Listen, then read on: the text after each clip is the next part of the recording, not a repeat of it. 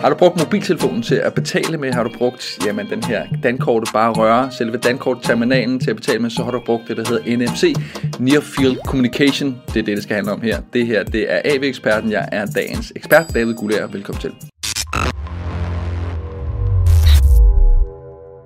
Near Field Communication eller NFC. Måske har du stødt på selve forkortelsen, måske har du hørt det, måske tænker du, hvad hulen er det, og hvorfor skulle jeg bekymre mig om det? For det første, du skal ikke bekymre dig om det overhovedet, men det er sådan set meget interessant. Det er en teknologi, NFC har været på markedet i mange, mange år.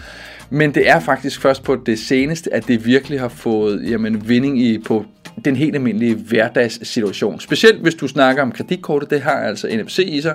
Mobiltelefonen har også indbygget NFC. Hvad er så NFC?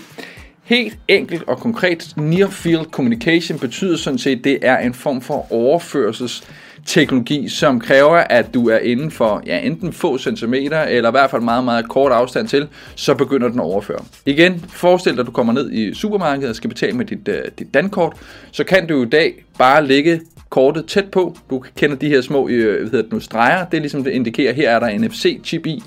Så kommer kortet straks med, i forbindelse med selve chippen, og så kan man overføre penge. Øh, man kan også overføre mange andre ting. NFC er som sagt været derude i et stykke tid. I hvert fald har det været øh, brugt i lang tid på mobiltelefoner. Mobiltelefoner har blandt andet brugt det som en pendant til Bluetooth. Og øh, der er forskellige fordele, forskellige ulemper ved hver især. Hvis vi lige sådan ser i forhold til, hvad det er, øh, selve telefonen har brugt det til.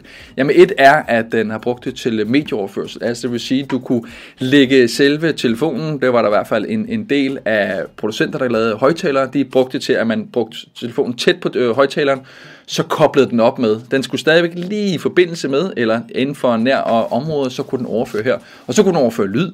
Man kan også overføre fra telefon til telefon, så kan man overføre billeder, øh, dokumenter, jamen visitkort er der også nogen benyttet sig af.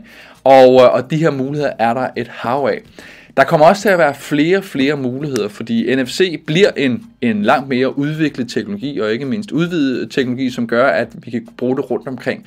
Blandt andet er der bilproducenter, der benytter sig af, i deres bildøre, det vil sige, når du kommer gående med din mobiltelefon, øh, eller for eksempel bilnøgler, men, men der er faktisk flere og flere, der kigger på at gøre det på mobiltelefonen.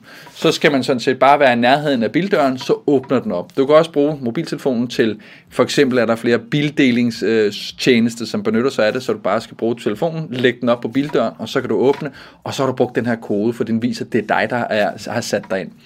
Det er jo sådan, at der er stadigvæk nogle begrænsninger på det, altså specielt når vi snakker betaling. Du må maks betale 350 kroner på en overførsel. Det er jo smart i og med, der ikke skal nogen godkendelse til. Du skal bare lægge det ned, så sker det med det samme.